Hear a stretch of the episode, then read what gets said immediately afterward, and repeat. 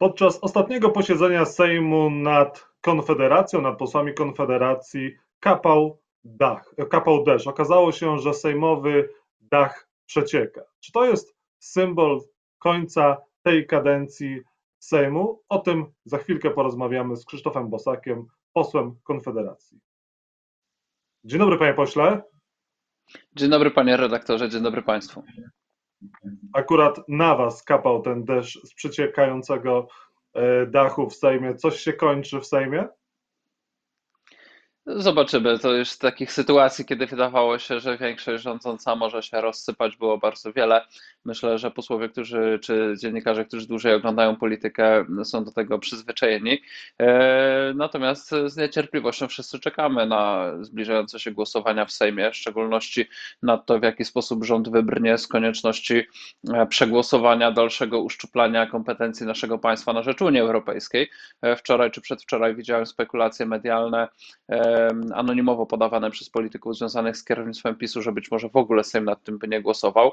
No moim zdaniem byłoby to złamanie przepisów konstytucyjnych. Natomiast jeżeli Sejm będzie nad tym głosował, to my chcielibyśmy, żeby głosował większością dwóch trzecich głosów, a nawet jeżeli głosowałby większością połowy, e, większością zwykłą, no to wtedy e, i tak sytuacja zapowiada się bardzo interesująca, dlatego że Solidarna Polska zapowiada, że będzie głosować przeciw, e, a Lewica czy Koalicja Obywatelska mając świadomość, że to może doprowadzić do upadku rządu, może tym razem razem rządowi nie pomóc. Myśli pan, że to, że Solidarna Polska będzie głosowała przeciwko ratyfikacji unijnego funduszu odbudowy pogrzebie rządy Zjednoczonej Prawicy?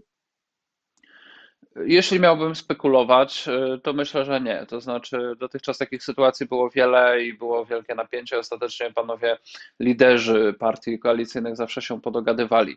Natomiast y, dlatego polityka jest ciekawa, że rezultat tego typu przetargów, rozgrywek nigdy nie jest znany z góry.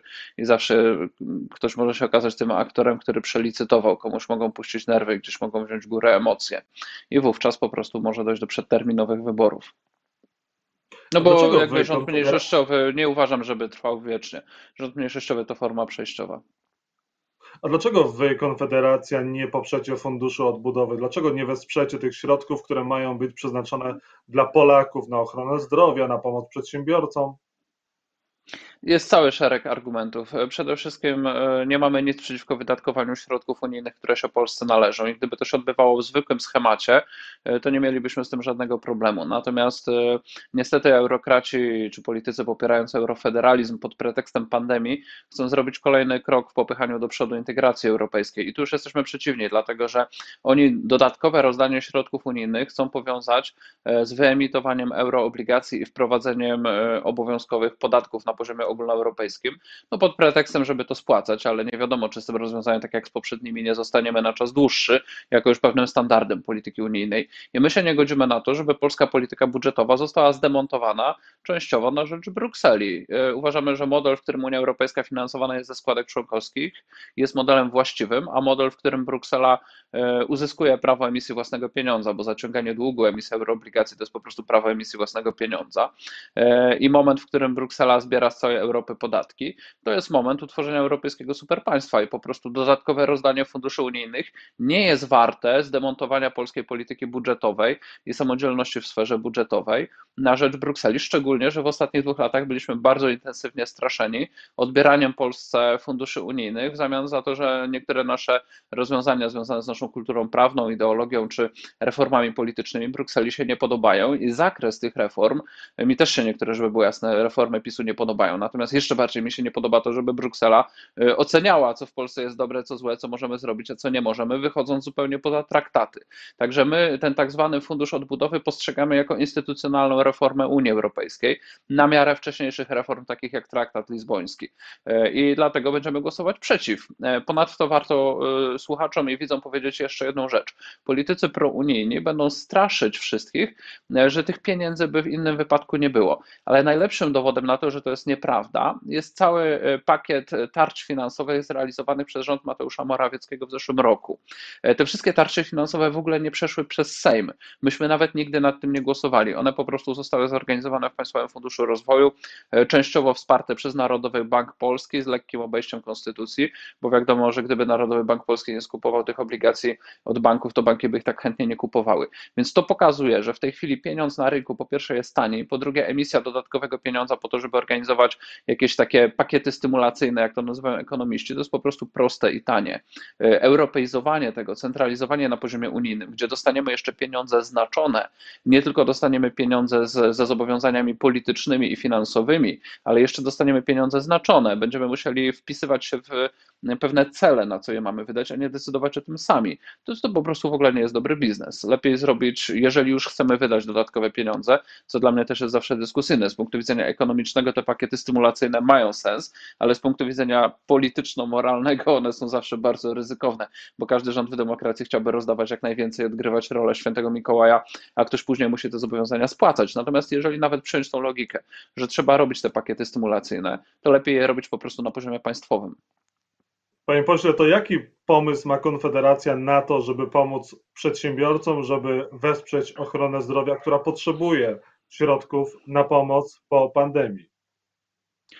To są dwa osobne pytania. Jeżeli chodzi o pomoc przedsiębiorcom, to my swój projekt przedstawiliśmy. On jest pod nazwą Otwieramy gospodarkę i on po prostu sprowadza się do usunięcia dotychczasowych restrykcji i zamknięć tak zwanych lockdownów. One są coraz bardziej fikcyjne w tym sensie, że po prostu ludzie chcą żyć, ludzie chcą funkcjonować i nawet ci, którzy na wiosnę zeszłego roku w pełni się podporządkowali, w tej chwili jakoś półoficjalnie próbują funkcjonować. Nie może być zresztą inaczej, bo przecież rząd nie uchylił prawa, e, które zobowiązuje do dotrzymywania kontraktów, więc jeżeli różne firmy usługowe, budowlane e, czy jakieś e, logistyczne mają po prostu swoje zobowiązania i tak muszą ich dotrzymać. I niezależnie, czy mogą przenocować w hotelu, czy mają sobie, prawda, wynająć mieszkanie na Airbnb, czy jeszcze jakoś inaczej, czy przenocować w aucie. I tak muszą wykonać swoje zadania, bo mają kary umowne. Więc moim zdaniem najprostszą rzeczą jest po prostu pozwolić im to wykonywać legalnie, pozwolić ludziom, e, nie stać nas jako państwa e, na to, żeby wypłacić odszkodowania każdemu, komu rząd zakazał pracy. Skoro nas na to nie stać, to trzeba tym ludziom pozwolić pracować. W naszej ocenie odebranie ludziom, i to nie jest tylko problem, chcę to bardzo wyraźnie podkreślić, przedsiębiorców, bo dużo się mówi o przedsiębiorcach.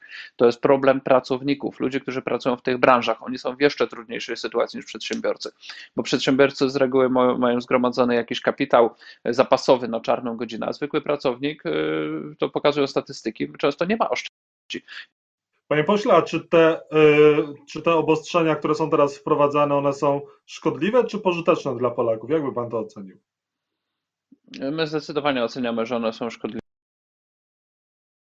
na Y, nasze życie y, od strony właśnie tego bezpieczeństwa, jak to rząd nazywa, bezpieczeństwem sanitarnym czy epidemiologicznym.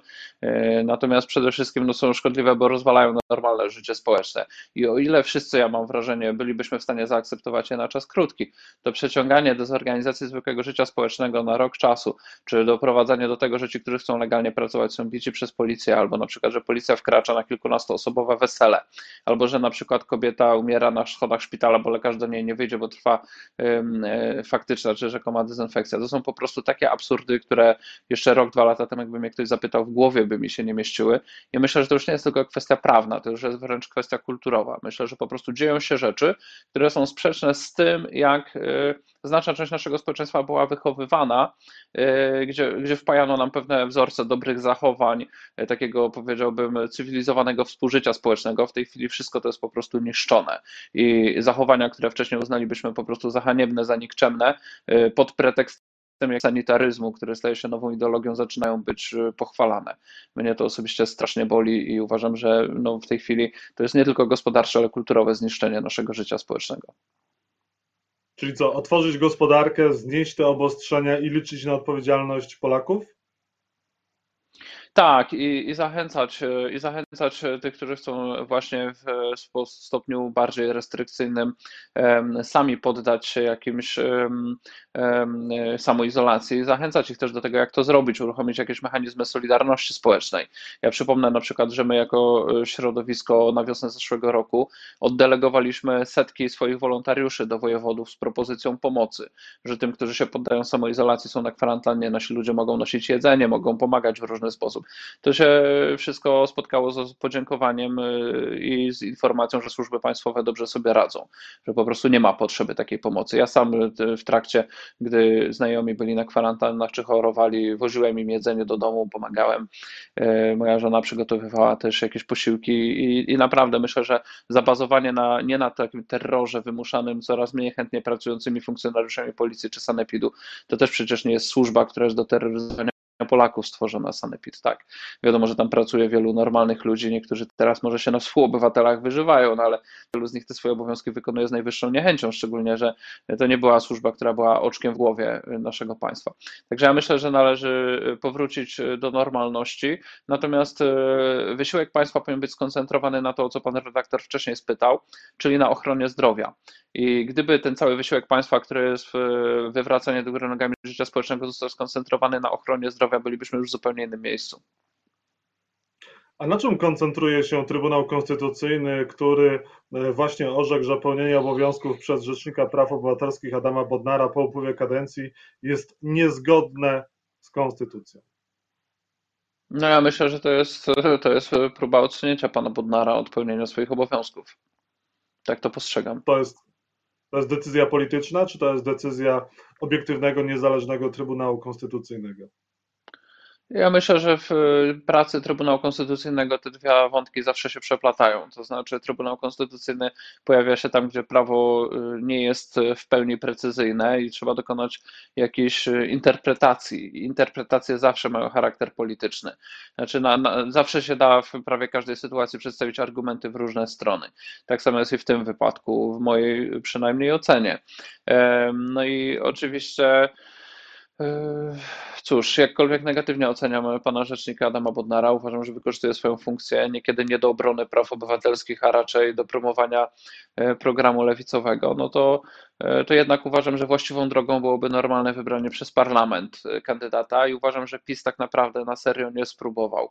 E, to znaczy PiS przedstawiał wyłącznie kandydatów e, celowo nieakceptowalnych dla opozycji.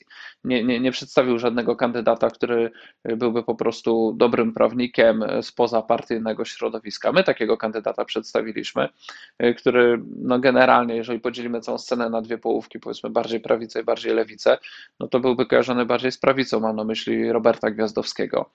No jednak PiS nawet nie zainteresował się jego kandydaturą, żeby go przegłosować, co pokazuje, że tam nie było zainteresowania, żeby wybrać nowego rzecznika rzecznika. To pokazuje niestety złą wolę. Kto w takim razie zostanie nowym rzecznikiem praw obywatelskich? Czy będzie wakat na tym stanowisku?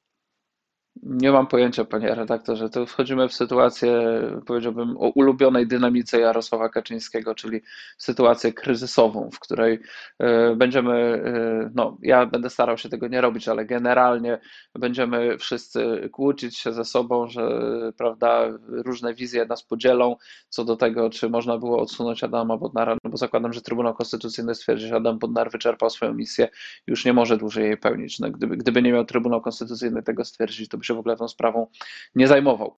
Natomiast, y, no, oczywiście, jeżeli zostanie odsunięty, ta sprawa podniesie tylko poziom konfliktu politycznego. No i być może my, konserwatyści spoza PiSu, będziemy w najtrudniejszej sytuacji, dlatego że z jednej strony zdajemy sobie sprawę, że Adam Bodnar jest naszym e, zajadłym ideowym przeciwnikiem. Przypomnę, że Adam Bodnar jako rzecznik praw obywatelskich wzywał prokuraturę do ścigania ludzi o moich poglądach, dlatego że uważa, że to są poglądy nieakceptowalne w demokracji i my nie mamy już prawa e, do wypowiedzi, tylko to jest tak zwana mowa nienawiści. Prokuratura powinna aktywnie tutaj stawiać zarzuty. Więc to pokazuje, że rozumienie praw obywatelskich przez Adama Bodnara Jest zupełnie inne niż to klasyczne. Zresztą świadectwem tego jest, że jego zastępczynią była Sylwia Spurek, osoba chyba o najbardziej radykalnie lewicowych poglądach, którą w tej chwili mamy na scenie politycznej, o najbardziej ekstrawaganckich wypowiedziach, najdziwniejszych. Natomiast z drugiej strony jakby odsuwanie go w takiej atmosferze i, i, i też nie wiemy, kim go zastąpi, jeżeli PiS by go zastępował jakimś partyjnym, swoim sprawdzonym funkcjonariuszem. Absolutnie nie bylibyśmy jako Konfederacja entuzjastami takiego rozwiązania, więc tutaj w trudnej sytuacji. No ale to jest generalnie problem z władzą PiSu, że ta, ta, ta władza konserwatystów stawia y, w takiej sytuacji, że y, ciągle musimy tłumaczyć, że PiS tak naprawdę nie jest prawicą, że to jest partia, która w dużej mierze kompromituje wartości konserwatywne, które my uważamy za cenne i ważne. Musimy kończyć. Czy gdyby doszło do wcześniejszych wyborów, to Konfederacja mogłaby pójść na wspólnych listach z Solidarną Polską Zbigniewa Ziobry do wyborów? Nie ma w ogóle takiego tematu, nie jesteśmy tym zainteresowani. Uważamy za szkodliwą rolę w sądownictwie Solidarnej Polskiej Zbigniewa Ziobry. Procesy po pięciu latach tak zwanego reformowania sądownictwa, te procesy się tylko wydłużyły. To co, to, co widzimy, to jest jakaś, powiedziałbym, nie reforma sądownictwa, tylko komedia pomyłek. Widzimy też, że posłowie z tej partii, którzy składali w 2015 roku deklarację, że nie będą głosować na pod, za podwyższenie podatków, połamali swoje słowo już na pierwszym pierwszym posiedzeniu Sejmu. Tam się zdarzają pojedyncze posłowie, którzy mają sensowne rzeczy do powiedzenia, na przykład krytyka polityki energetycznej Unii Europejskiej, ale na tej podstawie, że w, w konkretnych kwestiach się zgadzamy, typu rozszerzenia, krytyka rozszerzenia kompetencji Unii Europejskiej czy podnoszenia cen prądu w Polsce, nie można na tej podstawie wysnuwać wniosku, że jest pomiędzy nami jakaś bliskość polityczna. Krzysztof Bosak, poseł Konfederacji, był Państwa i moim gościem. Bardzo dziękuję za rozmowę. Dziękuję bardzo panie redaktorze, pozdrawiam wszystkich słuchaczy i widzów.